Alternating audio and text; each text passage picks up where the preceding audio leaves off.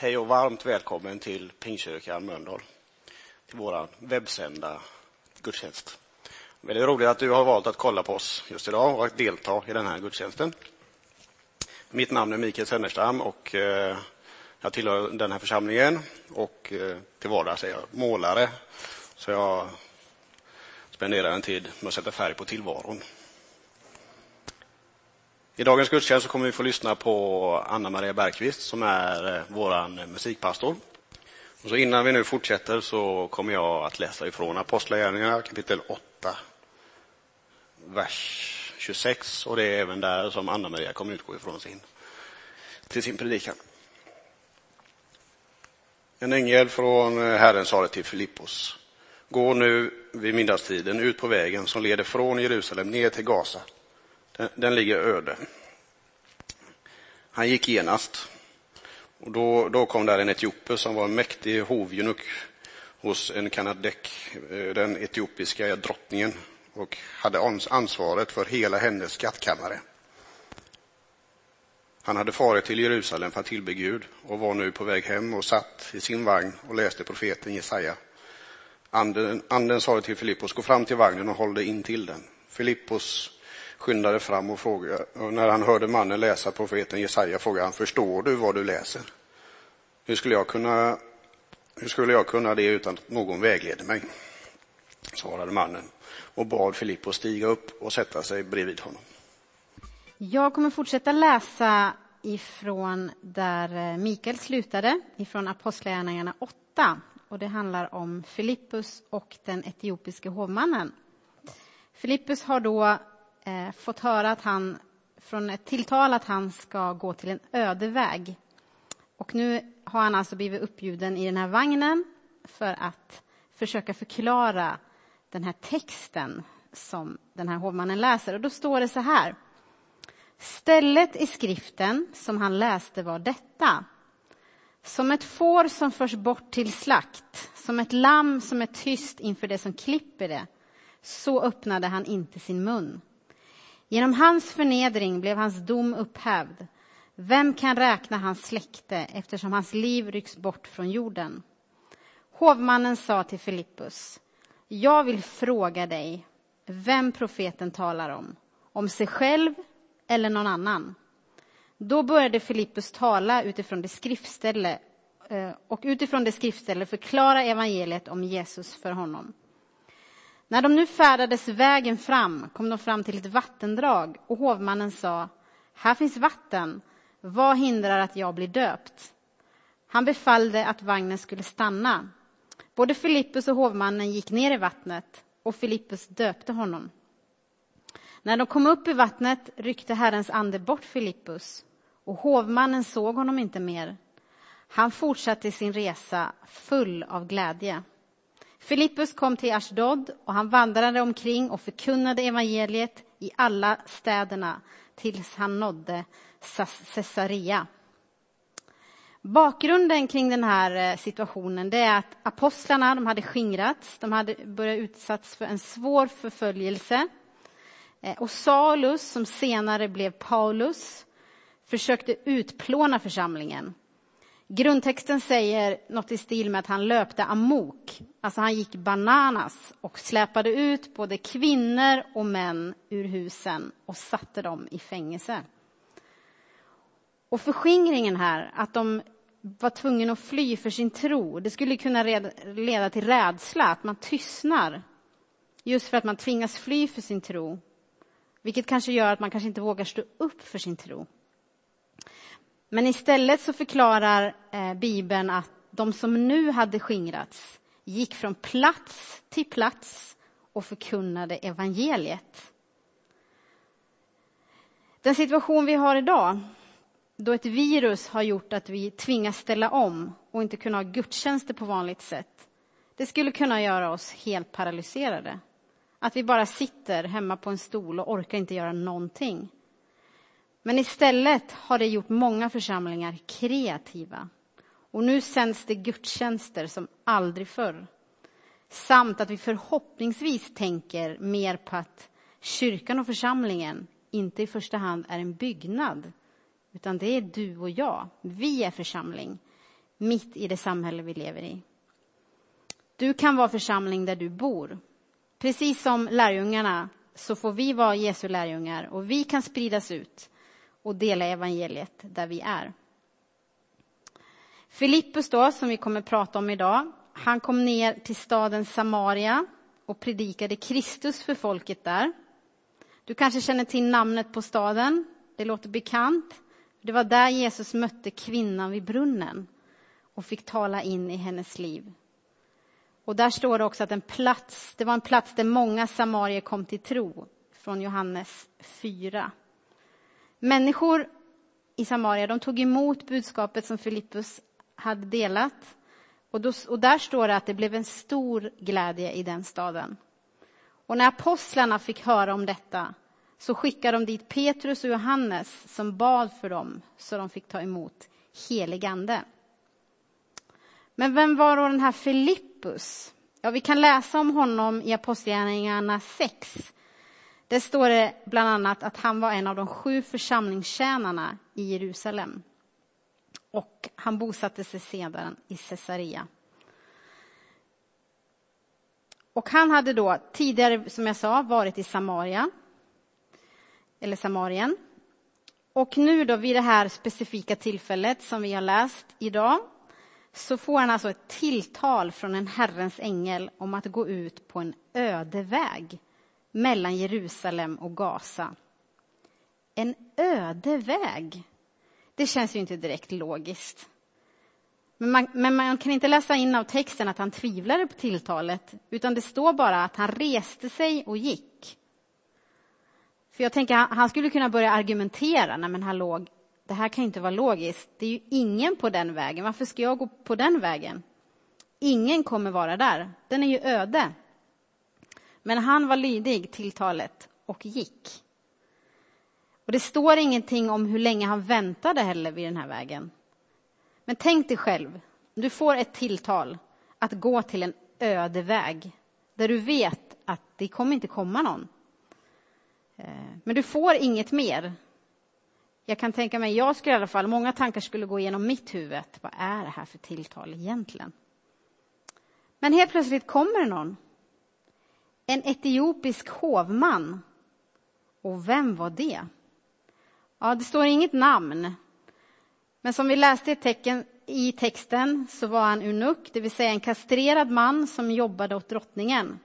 Och han var alltså ansvarig för hela hennes skattkammare. Och troligen ansågs han väldigt pålitlig eftersom han just hade fått den uppgiften. Och någon gång under sitt liv hade han alltså blivit en troende jude. Och nu var han på väg hem efter att ha tillbett Gud i Jerusalem. Eh, och under sin vistelse så hade han på något sätt kommit över en bokrulle. En kopia av en bokrulle av Jesaja bok som på den tiden kanske kostade runt 5 000 kronor. Och nu sitter han här i vagnen. Han läser Jesajas 53 kapitel. Ett kapitel som beskriver Jesus väldigt tydligt. Och så står det i texten att ledd av anden går Filippus fram till vagnen och frågar Förstår du vad du läser? Men eftersom eh, mannen behövde vägledning så erbjuder han sig alltså att Filippus att sätta sig i vagnen för han förstår inte. Vem talar profeten om? Och här får Filippus världens chans att förklara klart och tydligt vem Jesus är.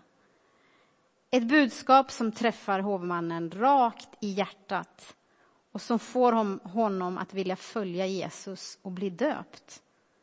Och dråpligt nog så passerar de ett vattendrag och hovmannen själv föreslår, vad hindrar att jag blir döpt? Eh, och Filippus döper honom. Och sedan när de kommer upp i vattnet så rycks Filippus bort av anden, står det. Och så står det, hovmannen fortsatte sin resa full av glädje. Kommer du ihåg det uttrycket? När Filippus var i Samarien så blev det stor glädje i den staden. Det infinner sig alltså en djup glädje när människor får tag på evangeliet. Som en del av er vet så har jag varit i Etiopien ett antal gånger och undervisat där. Och många av de etiopier jag har mött har varit så otroligt tacksamma för att de har fått tag på tron på Jesus. Och framför allt så brukar de säga det till mig, det är framför allt genom svensk mission som har bedrivits där. Nu har det varit många andra länder också, men de, eftersom de pratar med mig då som kommer från Sverige så uppmuntrar de oss väldigt mycket att vi sände missionärer under en tid. Eh, och människor från vårt land, de har alltså fått ett tilltal från Gud att åka till Etiopien för att missionera och leda etiopier till tro. Därför tycker jag att den här texten är så speciell, just för att det handlar om en etiopisk hovman. Eh, och en av de missionärerna som jag känner, som har varit i Etiopien, han heter Gert Follsten. Som tillsammans med sin fru Anita har bott många år, bland annat i Etiopien. Och Gert han förklarar så här att kärleken och nyfikenheten till utlandstjänst växte fram inom honom. Och så berättar han också att på grund av de orättvisor som fanns i världen på 1960-talet så växte det också i honom att människor måste få tag på Jesus. Det är också en mänsklig rättighet att människor ska få tag på Jesus. Och jag reflekterar över ordet växte. Han pratar om att saker växte inom honom. Saker kan växa fram inom oss. Det kanske inte är det direkta tilltalet att vi går som med Filippus. Utan Gud, vi får ett tilltal på något sätt. Vi börjar känna för någonting och det kan också vara ett sätt som Gud talar till oss på. För att våga gå på Guds tilltal, det är inte alltid så lätt. Det kanske låter lätt när vi läser den här texten om Filippus. Ehm, för ibland kan det vara väldigt utmanande. Man tänker, vad ska andra tänka om jag gör det här? Det här tilltalet känns inte så logiskt. Är det verkligen Gud? Och jag har fått erfara det i mitt eget liv när jag har stått för olika vägval i livet. Ett val kan verka mest logiskt och smart medan det andra inte alls verkar lika logiskt eller lika givet. Men ändå har tilltalet alltid lutat åt det mindre givna valet. Men det har blivit det bästa också, har det visat sig. Men det har inte varit utan kamp, det har inte varit utan vånda.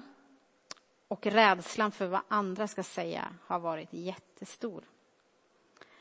Men det är så här tror jag, att när man vågar gå på den där vägen som inte alltid känns självklar, då har det i alla fall gett mig en större glädje och frihet. När vi läser om Filippus så upplevs han som en väldigt frimodig och väldigt lyhörd evangelist som handlar direkt när han hör någonting. Han går direkt på tilltalet från ängeln. Han skyndar fram till vagnen. Han börjar förklara evangeliet direkt när han får tillfälle. Och han tvekar inte att döpa den här hovmannen när han vill bli döpt. Och sen rycks han bort av anden, står det. Snacka om att vara lyhörd, snacka om att ta vara på varje tillfälle och handla snabbt. Och det här tycker jag, jag tycker är en väldigt uppmuntrande och utmanande berättelse. Men det kanske också kan skapa kramp hos vissa. Nej, men jag är inte sån. Jag vågar inte handla på det här tilltalet. Eh, är det det här som kallas andeledd evangelisation? Jag tror faktiskt att Gud är väldigt variationsrik. Jag tror att han använder oss på olika sätt. Just för att vi är olika eh, och för att han vet att vi hör honom på olika sätt. Om jag bara går tillbaka till Gerts historia, eh, missionären i Etiopien. Han pratar om att saker växte fram hos honom. Sen har han också berättat att han har fått direkta tilltal genom människor som har sagt saker och då har han vågat gå på det.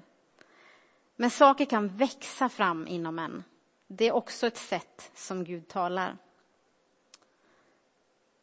Och det kanske inte alltid är smidiga och tydliga tilltal, som i det här fallet med Filippus.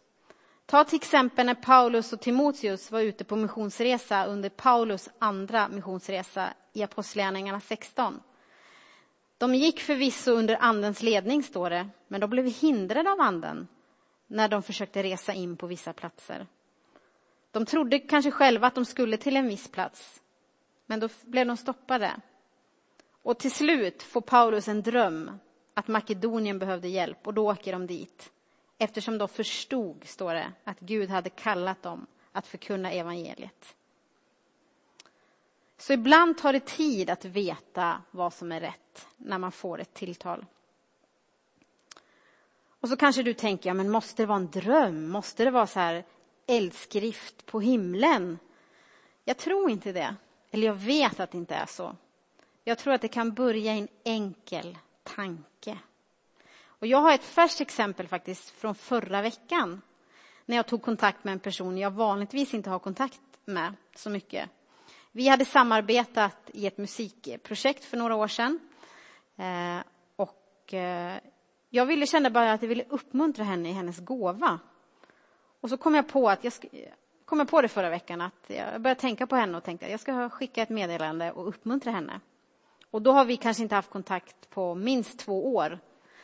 Eh, och vi har inte kontakt så naturligt heller.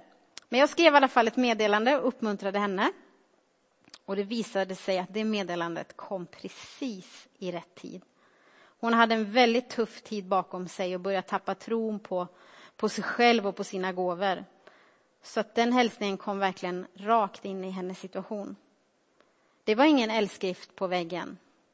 Det var en tanke som började här och som ledde till att jag skickade iväg ett meddelande. Det kan vara så enkelt, men det kan få betyda så mycket för någon annan. Det kanske inte är så att Gud skickar dig till en öde väg som han gjorde med Filippus. Men du kanske upplever vissa tilltal som det. Att du har fått ett tilltal och du förstår inte, vad ska jag göra med det här? Du får en tanke som kanske känns ologisk. Men jag vill utmana dig idag att pröva den tanken. Våga gå på den och se vad som händer. Då ska man veta att i botten så bör ju tanken vara att det ska vara till uppmuntran för någon. Ibland kan det vara att människor hör konstiga röster som inte leder till bra saker. Det är inte de rösterna jag menar, utan att försöka höra ett Guds tilltal som leder till uppmuntran för en annan människa. Kanske just den där lilla tanken, det där lilla ordet, den där känslan kan få vara till betydelse för någon annan människa.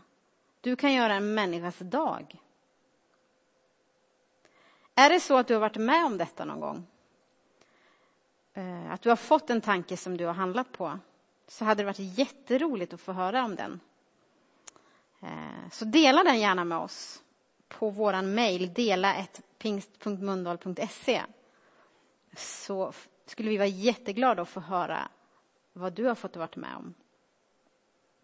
Och jag vill utmana dig idag att våga tro att Gud kan använda dig precis som han använde Filippus. Han har skapat dig utifrån den du är. Men han vill också skicka dig ibland utanför sin comfort zone emellanåt. Han vet vad du bär, han vet vad han har lagt i ditt hjärta. Så våga använda det för hans syfte. Du är församling, kyrka, där du bor. Amen. Vi ber tillsammans. Gud, vi tackar dig för ditt ord. Ditt ord som vi hoppas och tror är till uppmuntran för någon idag. Eh, att Filippus exempel får vara ett exempel som utmanar oss, som uppmuntrar oss att våga gå på ditt tilltal.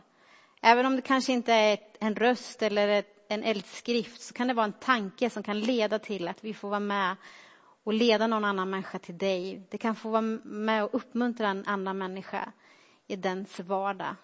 Och jag vill be för var och en som har lyssnat på den här predikan idag att var och en ska blivit uppmuntrade och att var och en ska få känna att ja, men jag kan faktiskt bli använd av Gud mitt i min vardag. Tack Herre för att du Eh, vill använda oss på olika sätt. Amen.